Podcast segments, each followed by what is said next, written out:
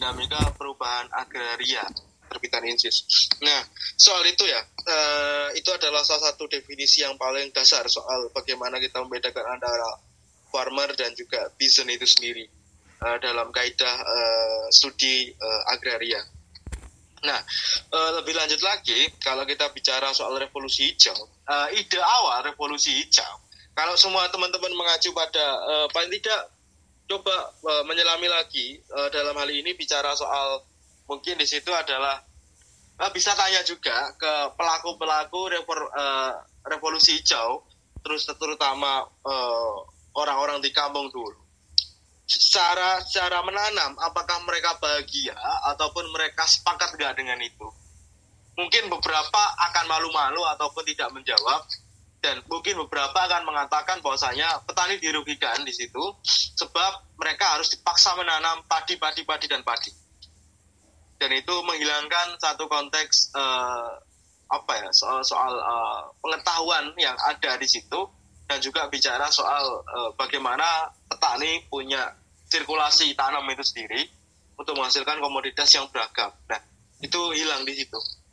Nah, pada satu sisi memang niatnya bukan soal tahan ataupun lanjut di situ.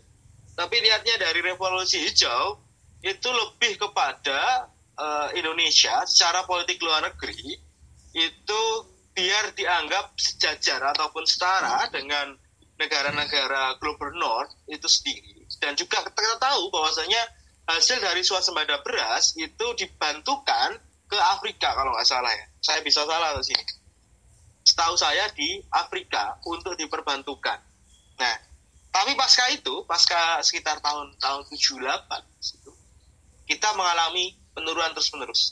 Karena apa? Ibarat orang disuruh lari terus-menerus selama 10 jam tanpa istirahat, pasti kita akan kesel.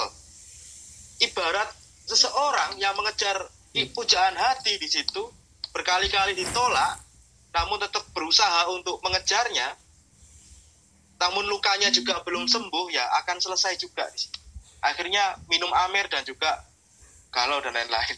Nah itu kan contoh sederhana sebenarnya. Nah bicara soal ide dari revolusi hijau seperti itu kan kondisi faktualnya di lapangan. Kalau bisa lihat bisa di beberapa ada beberapa menarik kalau melihatnya. Ya, soal dampak dampak revolusi hijau eh, eh, terhadap kesuburan tanah bisa juga tadi saya menyarankan juga uh, buku baca buku McMahon soal uh, uh, politik pangan itu sendiri. Itu juga akan menarik untuk dibaca sebenarnya. Karena itu akan men, uh, bicara soal pangan itu ternyata juga politik loh ya bicara soal itu. Nah upaya dari revolusi hijau di sini kalau menurut saya bukan soal kita bisa berlanjut pangannya di situ ataupun pada konteks tahan tapi lebih kepada politik era rezim uh, orde baru itu sendiri sebenarnya soal itu kalau kita bicara soal pangan, maka dia akan menghidupkan lagi ide-ide Soekarno dulu. Satu desa ada punya lumbung, satu desa punya pembibitan sendiri, satu desa punya embung di situ. Dan mengerahkan uh, sarjana-sarjana tani untuk membantu petani di situ melalui skema uh, turun uh, ke bawah di situ ataupun turba saat itu. Nah ini ini yang menjadi catatan ya, kenapa berbeda antara konteks civic mission di era Soekarno bicara soal peningkatan uh, pertanian di era Soekarno melalui program uh, peningkatan pangan hingga munculnya IPB di era Soekarno melalui Dekon uh, deklarasi ekonomi saat itu dengan revolusi hijau di era Orde Baru yang sebenarnya dia juga meniru konteks civic missionnya era uh, Soekarno dan meniru konsepnya dekonnya era Soeharto. Tapi secara watak berbeda. Kalau Soekarno bicara soal uh, ketahanan rakyatnya itu sendiri, kalau Soeharto bicara soal uh, politik pangan terlihat wow pada saat itu. Itu sih kalau catatan dari saya sendiri soal itu. Dan apakah kita bisa melakukan? Kita bisa mengambil ide-ide lama, merekonstruksinya ulang, terus mengkonseptuasi, mengkonseptualisasikannya ulang. Tapi syaratnya adalah Undang-Undang Pokok Agraria nomor 5 tahun 60 itu wajib dilaksanakan sepenuhnya. Kalau mau berubah semua, undang-undang reforma agraria harus dijalankan sepenuhnya tanpa embel-embel, tanpa reduksi, tanpa ada dengaling-aling. Kuncinya di situ. Ketika pemerintah tidak mau mengakui dan tidak mau menjalankan UPA, jangan harap ada perubahan secara struktural ataupun perubahan cara pandang kita soal pangan, bicara soal kedaulatan pangan itu sendiri. Itu, itu catatan dari saya ya. Salah satunya adalah jalankan UPA secara penuh tanpa reduksi. Itu. Itu ya dari saya Mas ya.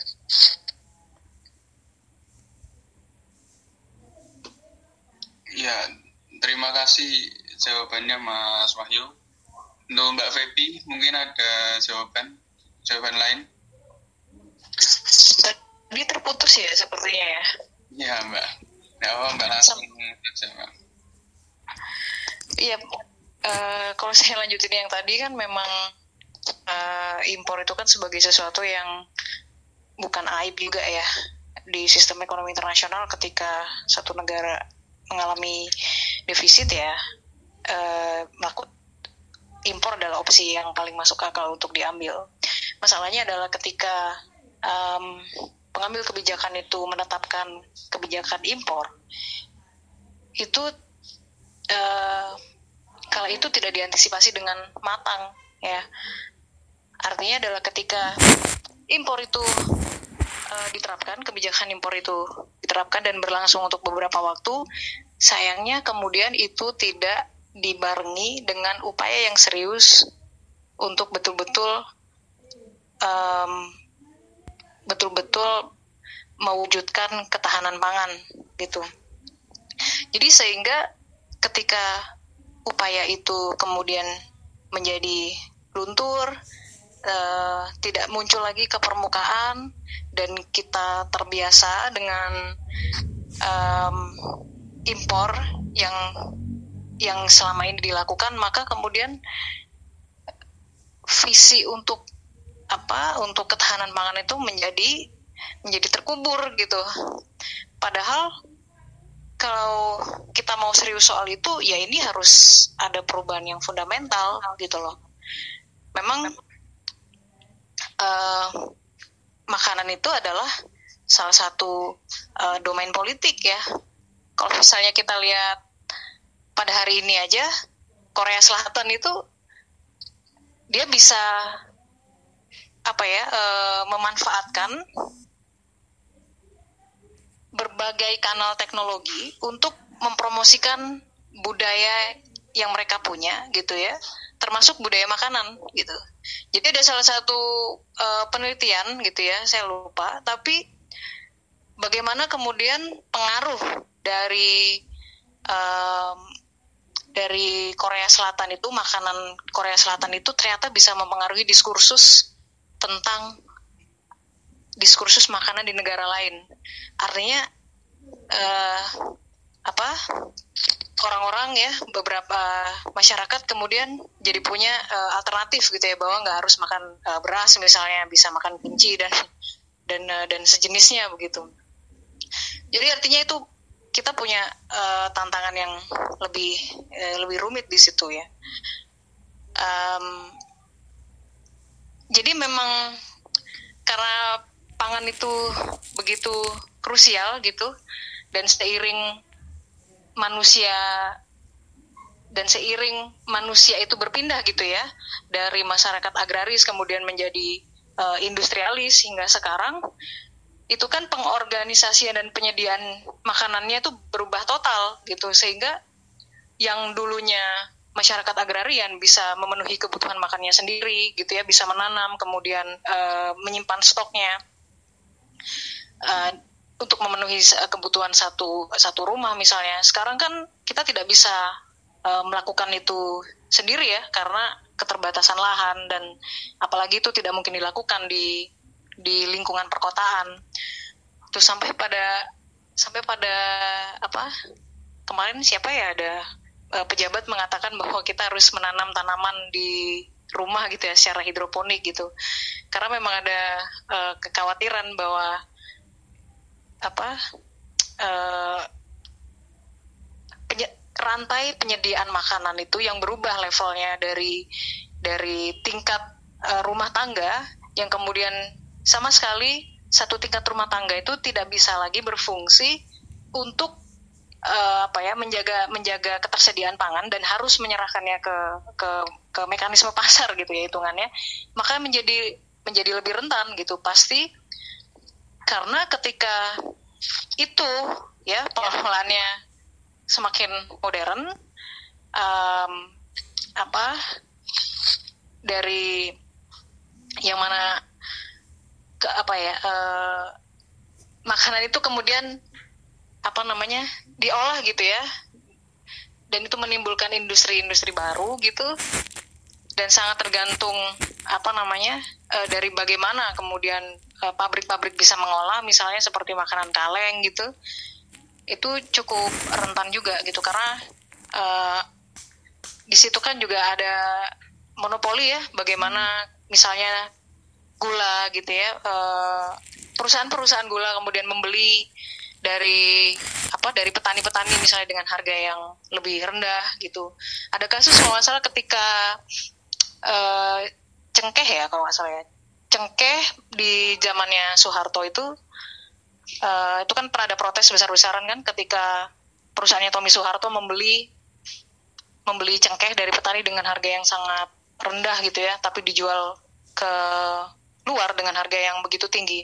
Artinya artinya ketika penyediaan uh, pangan ya atau rempah-rempah dalam masyarakat industrialis itu itu bisa disimpulkan semakin rentan karena memang tidak dalam apa tidak ada dalam kuasa kita sendiri ya rumah tangga kita sendiri untuk bisa menyediakan itu karena sepenuhnya bergantung pada mekanisme pasar kira-kira gitu mungkin.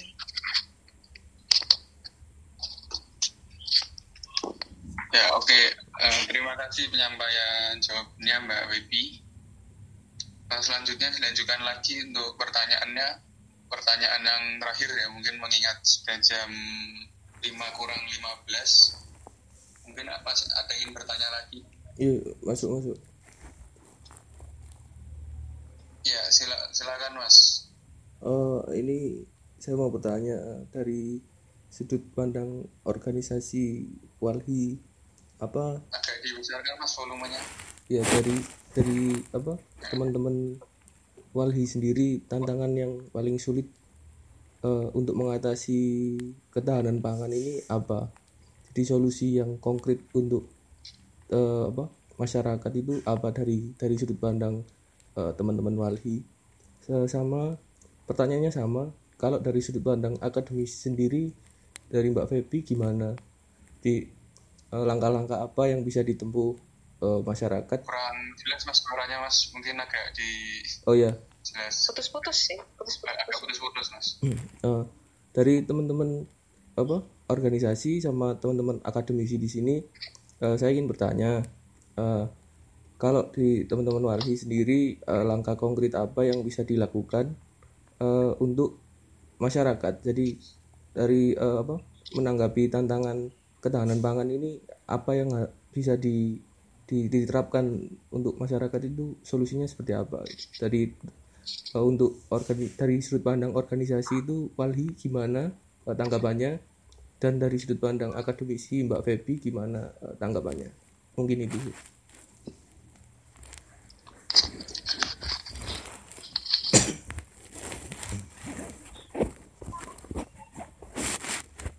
Monggo Mas Wahyu dan Mbak Febi. Dari mungkin saya dulu soal nanti baru Mbak Febi. Uh, soal ketahanan pangan itu sendiri di konteks wali ya di konteks wali itu kita membuat satu skema skema soal pangan ya soal soal menanggapi satu wabah itu dengan uh, membuat satu skema ketahanan pangan berbasis wilayah kelola rakyat. Nah, apa sih WKR?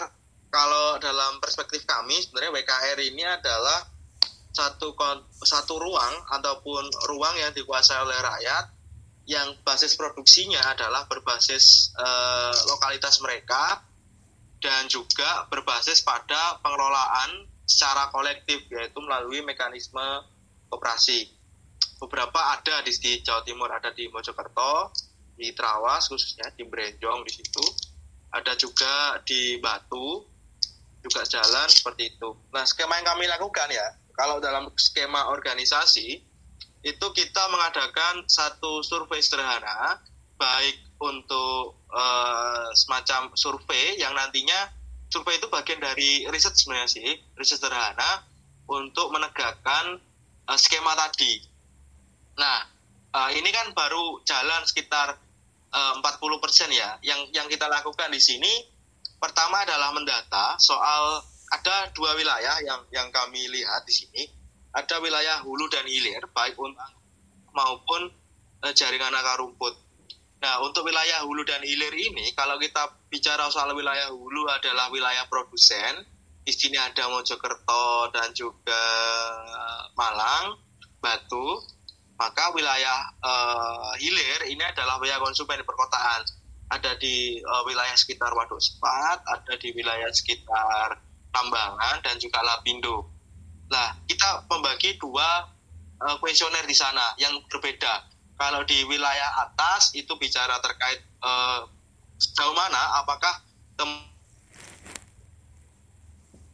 teman-teman di sana komoditas komoditas yang dihasilkan itu apa, berapa besar, terus itu bisa mencukupi untuk berapa orang. Jika surplus, apakah uh, bisa dibagikan ke teman-teman lain dengan skema pasar langsung. Nah, untuk di wilayah hulu, uh, di wilayah hilir sendiri, maaf, uh, itu kita melihatnya uh, sebenarnya teman-teman ini memproduksi makanan sendiri enggak sih? Terus rata-rata kerjanya apa, penghasilannya berapa, kebutuhan untuk sayur ataupun pangan itu berapa, Nah, ketika uh, ada uh, beras misal harga sekilo terkait kebutuhannya itu mampu bayar berapa? Itu kan skema menyambungkan antara wilayah hulu dan hilir untuk sementara ini. Nah, untuk keberlanjutan itu ada juga skema ketika satu sistem uh, hulu hilir ataupun sistem uh, pangan secara langsung itu bisa berjalan, artinya bisa terleja, ter, uh, artinya uh, bisa terlaksana di sini. Walaupun sementara kita coba uh, untuk mengambil uh, pangan dari basis kita itu tetap dilakukan. Selain ya beberapa beli ya kan tidak bisa disediakan ya. Tapi paling enggak ketika sistem ke depan sudah bisa dijalankan maka paling penting di sini dalam konteks wilayah kelola rakyat itu sendiri uh, paling penting adalah tadi uh, bicara terkait uh, bangun satu konsep koperasi tadi sebagai satu ekonomi yang sifatnya uh, kolektif tadi dan juga secara nggak langsung adalah menggiatkan terkait uh, agroekologi tadi yang, yang yang memang juga menjadi salah satu target dari WKR itu sendiri. Ya ke depannya seperti itu kan. Nah ke depannya lagi adalah bicara terkait uh, bagaimana skema-skema itu bisa direplikasi ke beberapa wilayah-wilayah lain. Jadi selain kita bicara soal alur alur distribusi antara komunitas uh, menyokong komunitas di situ, tapi kita juga bicara soal faktor lumbung dan kita juga bicara terkait uh, kelola ekonominya dan bahkan keberlanjutan taninya. Nah itu sebenarnya yang, yang skema awal yang yang sedang dijalankan ya, karena uh, ada satu keyakinan sebagaimana uh, yang di yang di yang dijawab oleh wali baik wali secara organisasi di Indonesia ataupun dia sebagai bagian dari uh, Press of the Earth Internasional Eh, salah satunya adalah bicara soal uh, keberlanjutan pangan. Itu bergantung pada sistem ataupun tata kelola uh, pangan di lokal itu sendiri. Dan itu sedang yang, yang sedang diupayakan.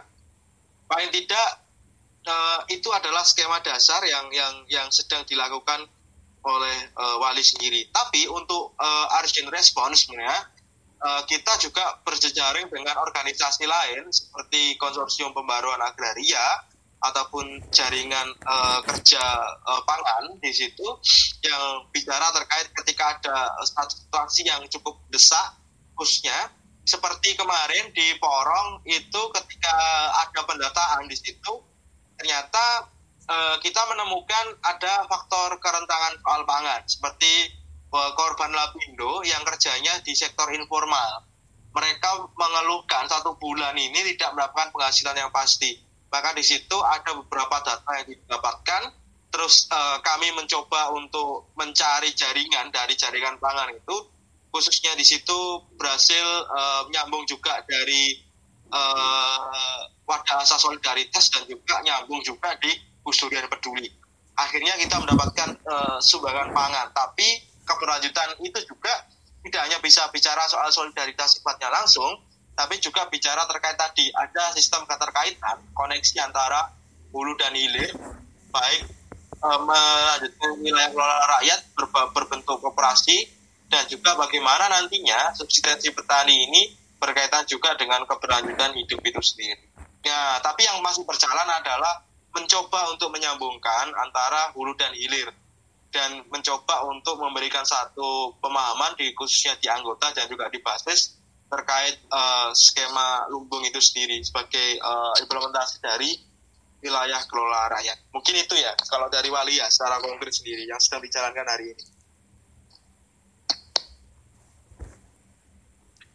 Ya, terima kasih jawabannya Mas Wahyu.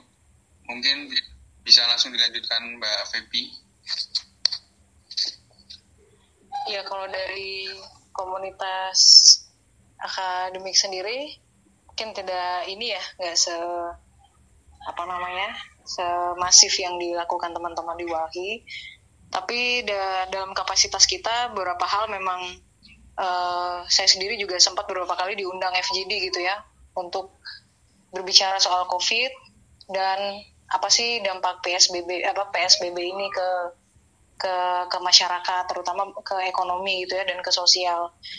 Um, saya beberapa kali sempat me mendesak bukan mendesakkan juga ya sempat memberikan masukan dan catatan rekomendasi gitu tentang uh, eh, PSBB dan bagaimana uh, masyarakat itu yang terutama ada di piramida terbawah itu tetap bisa mengakses pangan gitu ya tetap bisa uh, tetap bisa mendapatkan kebutuhannya dan tidak dan tidak terkendala dan itu juga saya sampaikan beserta rekomendasi bagaimana uh, COVID ini, pandemi ini membuka kepermukaan banyak hal yang banyak hal yang sifatnya mendasar yang kita sendiri sangat lemah dan rentan di situ. Salah satunya yang saya bicarakan adalah tentang ketahanan pangan gitu. Jadi uh, dalam kapasitas uh, kita misalnya sebagai akademisi beberapa hal yang kita lakukan adalah mencoba untuk terus mengingatkan gitu ya keseriusan bagaimana kita mau um, apa ya mau konsisten untuk bersuasembada dan memikirkan dengan serius rantai ini bagaimana sih tetap bisa uh, apa berjalan begitu dan berapa secara berkesinambungan. Kemudian yang ke yang kedua gitu yang mungkin real juga um, kita sebetulnya bisa ya untuk membeli uh, apa namanya produk produk pertanian lokal gitu. Cuman lagi-lagi itu juga uh, dilematis juga ya ketika misalnya harganya uh, lebih mahal. Tetapi ketika masing-masing dari kita misalnya mendukung uh, apa namanya mendukung mendukung gerakan untuk membeli gitu ya hasil pertanian lokal itu ke depannya saya rasa punya efek yang bagus gitu karena secara agregat ya itu bisa apa namanya menstimulasi um, apa, uh, rantai produksi kita gitu. Bahwa apa pun yang diproduksi bisa ternyata bisa terserap. Mungkin itu ya uh, sedikit yang uh, dari yang bisa ini saya jawab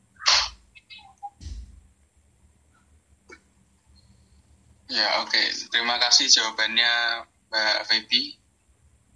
Ya, ini mengingat sudah jam 16.56. Diskusi tanya jawab uh, saya akhiri. Uh, terima kasih untuk teman-teman yang sudah memberikan pertanyaan dan ikut langsung dalam tanya jawab. Uh, setelah ini saya akan membacakan kesimpulan dari kesimpulan dari diskusi kita pada sore hari ini.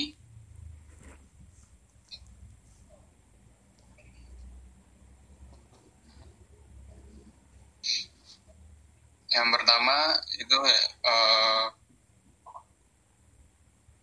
COVID-19 ini menunjukkan watak yang tidak berubah, yaitu watak otoriter dalam pertanian.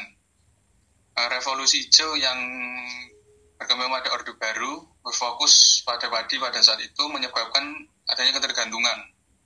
uh, petani yang awalnya tradisional berubah menggunakan teknologi sehingga merubah ketahanan dan nutrisi. Uh, rezim pada setelah reformasi rezim Pak SBY dan Pak Jokowi itu mengarahkan pangan ini di luar Jawa dan hal ini dinilai menghancurkan dan menyebabkan kerentanan terhadap pangan. Penggunaan lahan gambut khususnya di daerah Sumatera juga tidak cocok untuk ditanami dengan padi Eh, ini juga terjadi permasalahan permasalahan permasalahan dalam pangan seperti pangan di Indonesia seperti pengalian lahan sawah, merubah budaya bercocok tanam, ketidakpastian masa depan petani, serta lahan pertanian yang semakin menurun, semakin menurun karena adanya alih, fung, alih fungsi tanah. Nah, hal tersebut tentu juga menurunkan populasi petani juga, Nah, untuk menyelesaikan permasalahan tersebut dibutuhkan beberapa konsep. Dibutuhkan peningkatan konsep petani. Yang pertama itu dengan cara fleksibilitas rumah tangga petani, keberlanjutan pertanian dengan stabilitas air dan tanah, dan terakhir itu kembali ke komunitas seperti petani Pasundan dan petani di Malang Selatan. Uh, selanjutnya uh, yaitu yaitu petani, petani juga memiliki besar dalam ketahanan pangan. Uh, dunia pertanian saat ini bergantung pada teknologi agraris. Padahal petani Indo itu memiliki teknologi sendiri dan memiliki bibit unggul. Namun bibit dan petani harus bibit dan petani harus juga bersaing dengan produk-produk impor yang dari Cina dan juga Jepang. Nah, dalam pertanian komunitas lokal itu juga memiliki aspek keberlanjutan. Ada di samping itu ada juga filsafat budaya lokal, apa yang diberikan alam, maka kembalikan lagi ke alam. Nah, tetapi jika di teknologi, tanaman padi itu hanya dilihat sebagai objek alam pemenuh kebutuhan manusia. Ketidakpastian pangan saat ini juga membuat lingkungan dalam kehidupan masyarakat. Ini menurut perspektif Fader, teknologi itu kepanjangan dari budaya masyarakat serta eh, kearifan lokal dapat menjadi pembanding dalam pengetahuan teknologi yang kita gunakan pada saat ini.